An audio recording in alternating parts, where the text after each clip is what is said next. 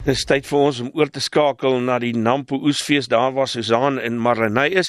Ek hoop net hulle onthou van daai groot boere vetkoek wat ek soek. Julle moenie vergeet daarvan die Susan asseblief. Hierdie gaan nie verniet wees nie. Jy gaan werk daarvoor. Jy Ek sal enigiets betaal. Kan ek net vir jou sê dat jy weet daar's 'n is 'n enigiets betaal. Ah, oh, goed, al wat ek nou gehoor het. Uh, welkom by die regstreekse uitsending hier van die Nampo Oesfees af hier van die Nasie in gesprek sal op Nampo Park.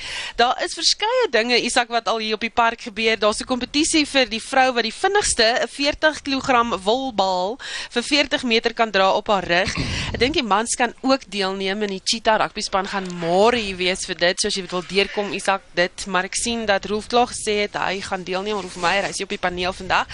Ehm um, dan sal skaapseer demonstrasie wat ook klaar aan die gang is. Dis baie interessant. Dis 'n besige dag en as jy wil sien, gaan kyk op ons Monitor en Spectrum Facebook bladsy. Marlene Forsie het al die video's daarvan daar gaan oplaai. Dan in ander landbou nuus, alle verkope van varke by veilinge in die Fezili Dabi distrik in Guati plaaslike munisipaliteit naby Heilbron in die Vrystaat is opgehef nadat varkpes daar uitgebreek het. En ons praat nou met uh, Sean Mockford van Danbred Varktelery en van die Varktelersvereniging van Suid-Afrika. Sean, how serious is swine flu outbreak? The African swine fever is one of the most serious risks that we can face in South Africa as pig producers and pig farmers. Um, it's highly deadly to the pigs and it's got a very high. Uh, it, it, it spreads incredibly fast, and um, with most most of the pigs, they either need to be put down or euthanized, or um, they're going to die within ten days of contracting it. Uh, speaking of spreading, how does it spread? There's uh, many different ways, mostly from contact uh, from other sick pigs. Um, a lot of the times, people are they might be out in the bush and they come across a, a dead warthog and they get it onto their clothes and they take that take the virus into the piggery. Um, it can be spread also at um, at auctions. If pigs have it, they will be spreading it onto other pigs at auction places, and that will be taken back into your herd. Now, uh, you spoke a little bit about it, but what could the impact be on the industry if it's not contained? At the moment, uh, it has a number of effects. I think, firstly, the, the borders get shut down to our neighbouring countries, so they restrict um, uh, pork being exported into our neighbouring countries. I think also there's a massive inter- misinterpretation to the public that uh, that the pork products itself are affected, which is absolutely not true at all. Uh, pork products are still very safe to consume, even if they have been affected by ASF.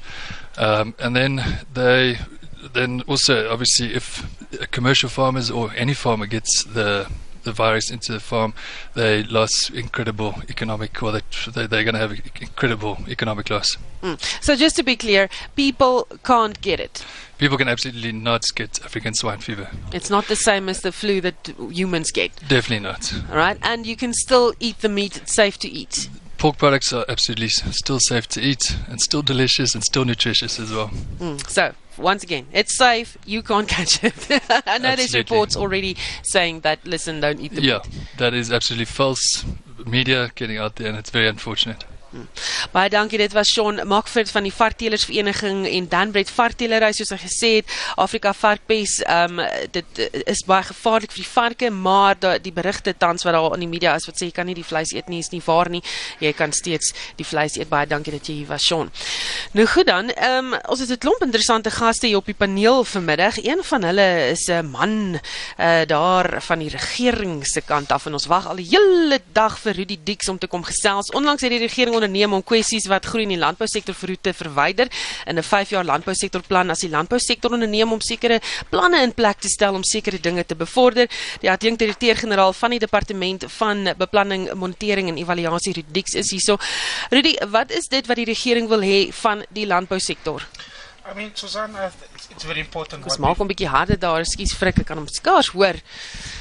Daar sê. is that is that better? Daar is beter. Thank you, Suzanne. I think one one of the things that we we we're looking at is to try and grow a number of sectors. Agriculture being one of the most important sectors that we need to look at. Uh, we are developing uh, concrete and collaborative partnerships with uh, a, a a process which is referred to as the Public-Private Growth Initiative, an important initiative that has been started by the private sector and endorsed by the President of, of South Africa. Um, agriculture plays a critical role. And what we need to show is that how do we grow the sector? How do we get uh, the kind of growth going? How do we get the employment going? How do we support farmers ensuring that their products are sold? Uh, that we introduce efficient systems, that we have the infrastructure going. As government, we need to play that important role. We have to have better roads. We have to have better ports and efficiency in ports. We have to reduce the cost. And how do we get our products into the export market? So uh, dit gaan dit gaan baie belangrik wees vir ons. Voor ons oor ons daai vraag antwoord, kom ons f- ruil net gou-gou daai mikrofone om want hy is baie baie sag en ons uh, sukkel om jou te hoor. En um, ons gesels met Rudy Dix, hy is die adjunk direkteur-generaal van die departement van beplanning, monitering en evaluasie. En ons kyk of ons jou nou beter kan hoor daar Rudy. Nee, ek hoor jou nog steeds nie. Wat gaan aan? Ek dink jy sit in die verkeerde deel van die ateljee, lyk dit my nou. Kom ons hoor daar ons sê vir my, daar kan- sê baie beter. Okay, goed, beter. Goed, goed. goed dan. Rudy, ehm um, waarheen jy weet, kom ons ons praat bietjie oor grondhervorming. Dit was 'n groot kwessie. Ja. Uh, jy weet, oor die verkiesing, maar dit bly in die landbousektor 'n groot kwessie. Waarheen beweeg die regering uiteindelik met grondhervorming in die landbousektor? No, I think the president has made it very clear. I mean, I think all of us committed. We've had, we've been having discussions with uh, Rolf and other other colleagues from the private sector. Land reform is going to be a critical part of government's program. Land reform is endorsed also by the by the private sector. The question is how well we manage transformation, and that's an important thing. We all agree that we have to have a transformation program. Critically, let's build. Let's grow the sector. Let's get investment growing, and at the same time look at transformation and inclusivity. Because without inclusivity, inclusivity, we're not going to get the growth going. So government has said it quite clearly that we need to manage a proper in the within the confines of the constitution, right? That we need to have a proper land reform program that's going to address and ensure that black farmers have better opportunities into uh, agricultural space, including into export markets. That's the principle that we have. There's not going to be land grabs. Uh, the princip- uh, the president has made that very, very clear. Let's manage it in a way, um, and and I think critically what we need to do is accept that there has to be transformation. We want to see a transformed sector. We want to see all farmers, black and white, participate in a sector that have equal opportunities uh, to get their produce to market, to get their produce exported, uh, to, particip- to participate in the agricultural sector. Rolf ek is nou ek wil vir 'n bietjie later met jou gesels, maar ek sien elke keer as hy van hierdie as Rudy ietsie sê, dan kyk hy vir jou, jy knik. Uh, Rolf Meyer van die Transformasie Inisiatief is hierso. Jou jou idees wat oor hierdie uh, jy weet hele tema en en wat Rudy nou gesê het. Ba- Oh, gaan hy mikrofoon weer. Wat gaan hier aan vanmiddag? Kom ons kyk. Nee, nog niks daar nie. Mm, mm. Nee, kom ek gaan nou kyk of ons 'n bietjie later verder kan gesels dan met jou daaroor en nee los daai net daar gaan dit verder net met Rudy gesels. Hou jou gedagtes vir my Rolf as ons net die mikrofoon daar reg kan kry. Ehm um, Rudy, hoe belangrik is voedselsekerheid vir die regering? Ehm um, wat is ons plan daar? Baie belangrik. Ek meen, um, how do we how do we manage uh, security, food security? How do we manage and ensure that we create certainty? Because that's important. Farmers need to know they're going to be certainty. Farmers need to know that they can plan. Farmers need to know that uh, uh, we manage this this this thing. Uh, the, the other factor is, Suzanne, is is the importance of climate change. And how do we deal and create resilience uh, against the rapid changing climate that we're going through, right? Uh, recent examples of Idian and Kenneth, uh, you know, um, and as those kind of uh, dangerous weather comes south, for us, the effect will be much greater here in South Africa and elsewhere. And the first to go, of course, is crops. Uh, you know, crops failing.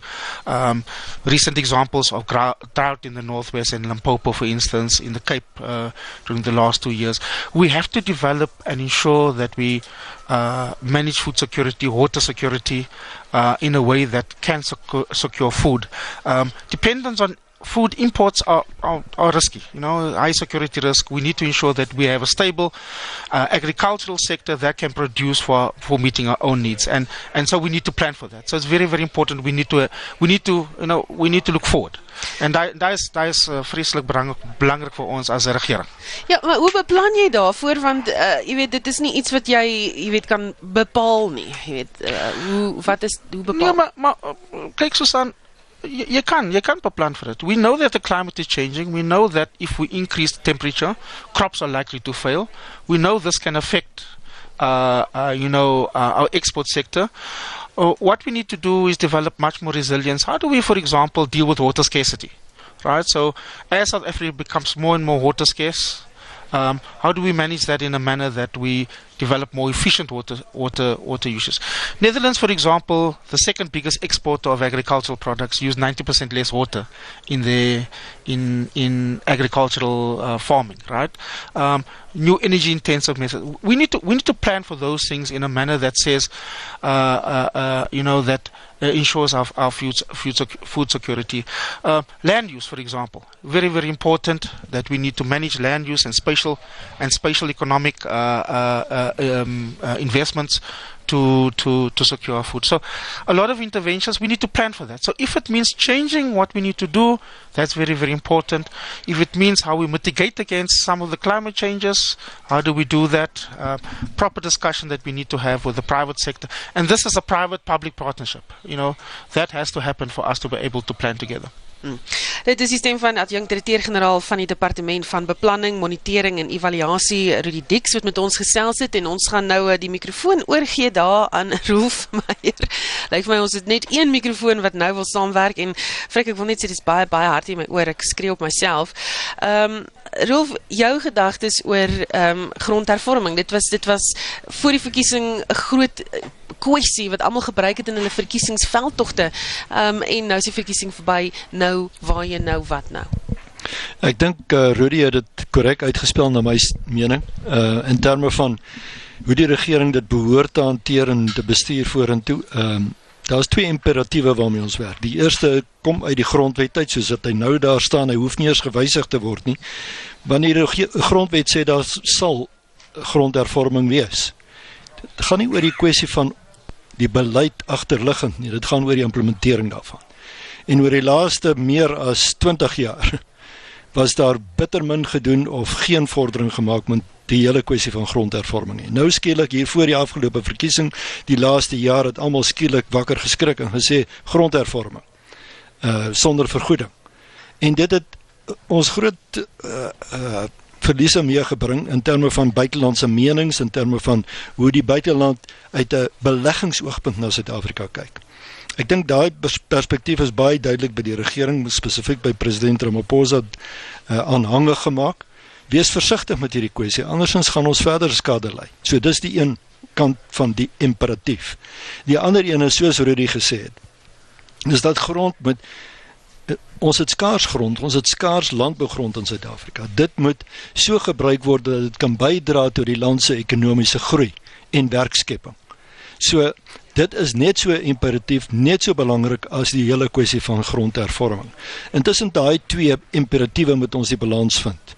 Ek het geluister na president Ramaphosa voor die verkiesing en hy het spesifiek hierdie punt baie deeglik uitgespel in 'n vergadering in Pretoria wat hy gehad het 2 weke gelede voor die verkiesing waar hy dit vergelyk het met die aandrang op Afrikaans byvoorbeeld as taal daarteenoor die grondaspek en hy het gesê al twee hierdie sake is ewe belangrik in terme van die passie wat daar agterliggend is en ons moet kyk oor hoe ons dit kan oplos en oplossings daarvoor vind. So my uitgangspunt die op, uitgangspunt van in transformation initiative waarby ek betrokke is om te sê kom ons bring hierdie twee gesprekspunte bymekaar en kom ons kry die regte antwoorde daarvoor. En daar is maniere hoe ons met mense wat wil boer, wat wil grond hê om te kan boer. Wat dit nie in die verlede gehad met ons help om daai grond te kry. Ons moet hulle bemagtig en ons moet hulle in staat stel om te boer. Want op daai manier kan hulle bydra tot die kommersiële waarde van grond en hulle kan bydra tot produksie van landbouprodukte. Hulle kan die markte voorsien binneland sowel as buitelands en op daai manier skep ons vir almal 'n beter inkomste. Hmm. So dis die balans wat ons moet bewerkstellig en en die voordeel wat ons het en ek dink Rudy het dit beamoen wat hy gesê het. Ons het vir die eerste keer 'n daadwerklike verhouding tussen privaat sektor en die regering. Ek het dit nog nie van tevore gesien in die afgelope 25 jaar in elk geval nie. Dat ons hierdie soort van samewerking het waar 'n adjunkdirekteur-generaal van die departement van beplanning en ek langs mekaar kan sit en ons praat dieselfde taal. Hmm, julle min of meer nou dieselfde gesê.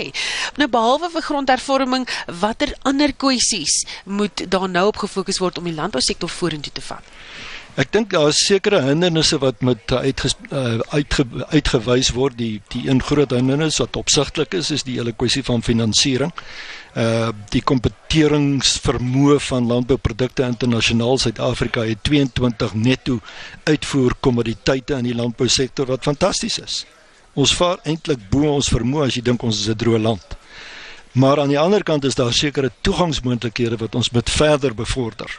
Ons moet die die markte in die ooste beter kan penetreer op die huidige stadium is daar blokkerings rondom dit daar's binnelandse vervoer kwessies soos koste na die na die na die uitvoerhawens toe en so meer en so meer.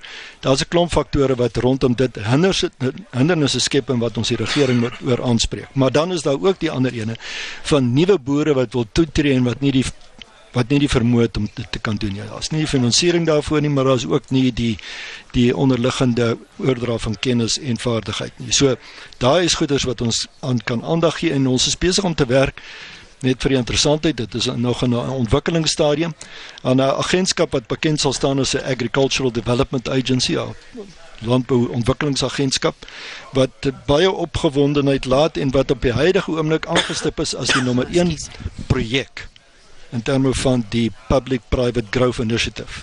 Dit is die prioriteitsprojek beide uit die private sektor met ander woorde en uit die regering se oogpunt. En as ons hierdie twee kan kry om met mekaar saam te werk, kan ons 'n wonderlike bevordering maak van landbou in terme van nuwe boere, meer produksie en beter uitvoere hopelik. Goed, dan gaan nou vra dat jy die mikrofoon oorgee daar vir my aan Chris Burgess. Dit was die roofmeier van die intransformasie inisiatief. Baie dankie dat jy kom gesels. Ek weet jy het 'n baie besige dag. Chris, ek het dieselfde vraag vir jou. Wat is nou op hierdie stadium belangrik vir landbou? Landbou Weekblad kyk die afgelope 100 jaar het julle feesvieringe, so julle eh, landbou dopgehou vir baie lang tyd, maar wat is nou belangrik? Wat moet nou gebeur om landbou in hierdie land vorentoe te vat? Ja, ek dink ehm um, ek dink Rolf het dit ehm um, het dit 100% uh, raak gevat. Dis daai hindernisse wat wat ons in in in landbou het en ek wil jy weet 'n mens kan begin met met uitvoermarkte. Jy weet ons het ons uitvoermarkte nou na China verloor ehm um, uh met ons wol.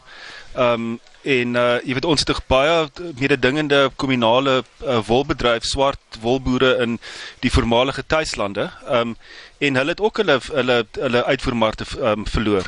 So so um, jy weet en dit is alles te danke aan uh dieregesondheidskwessies die back and claw uit uh, back and claw seer uitbraak uitbreking in in uh, in Limpopo en dit moes nooit gebeur het nie. Ehm um, so jy weet ehm um, dan kan jy met die lys afgaan. Jy weet daar's water. Daar's waterkwessies. Ek wil ehm um, die adjunk direkteur-generaal het gepraat van van klimaatsverandering en water. Jy weet uh meer as 90% van ons waterbronne is al klaar toegewys. Ehm um, die Lesotho Hoogland skema is jare agter skedule. Jy weet ons kan nie ons kan nie hierdie hindernisse uh ehm um, ehm uh meer toelaat nie. Dit dit raak onbestuurbaar. Die platland is gehavend. Um, ons moet 'n ander manier kry. Um jy weet ons moet vind wat is die wat gaan die vetvee veilinge en die sportbeeenkomste wees van die toekoms. Um uh die droogte, jy weet die Noord-Kaap is in 'n is in 'n absolute krisis situasie. Ehm um, daai droogte help kom net nie deur na die boere toe nie. Ehm um, as ons daai landbou infrastruktuur verloor in die Noord-Kaap, gaan dit gaan dit uh, eksponensieel duurder wees om dit weer te hervestig. Ons kan nie toelaat dat ons dat ons sulke nasionale bates verloor nie. Ehm um, klimaatsverandering, jy weet klimaatsverandering is is is, is reeds hier. Jy weet ons kan nie meer praat daaroor nie. Ons moet ons moet begin kyk na die na na, na watse bates ons as 'n as 'n nasie het. Want op die ouene van die dag, um, of jy nou wit of swart is, klimaatsverandering gaan jou gaan jou affekteer. Ons kan nie meer dink in terme van kleer nie. Ons moet begin dink in terme van watse bates ons as 'n as 'n as 'n as 'n nasie het. So in klimaatsverandering, ons moet begin kyk na herlewingslandbou. Daar sal klaar baie goeie werk wat gedoen word in Ottosdal en in in in in in, um, in plekke soos Reits. Ehm um, energie. Jy weet, hoekom is ons nie besig om uh hernubare energie in die in die Noord-Kaap waar ons 'n dringende uh uh droogtekrisis het? Hoekom uh organiseer ons dinge nie so dat die boere ten minste inkomste kry van van van van uh hernubare uh son en um, energie nie. Jy weet en so kan jy met die met die lys af afgaan en dis baie bemoedigend om vir Rolf Meyer te hoor praat van dat daar 'n nuwe fokus is tussen uh, uh, samewerking tussen die privaat sektor en die en en die um, en die staat want want dit is die enigste manier hoe ons hoe ons baie van hierdie um, aangelede gaan gaan aanspreek en wat wat tragies is maar terselfdertyd baie opwindend is is dat hierdie hindernisse is nie jy weet hierdie blok blokkades is nie is nie verskriklik kompleks nie.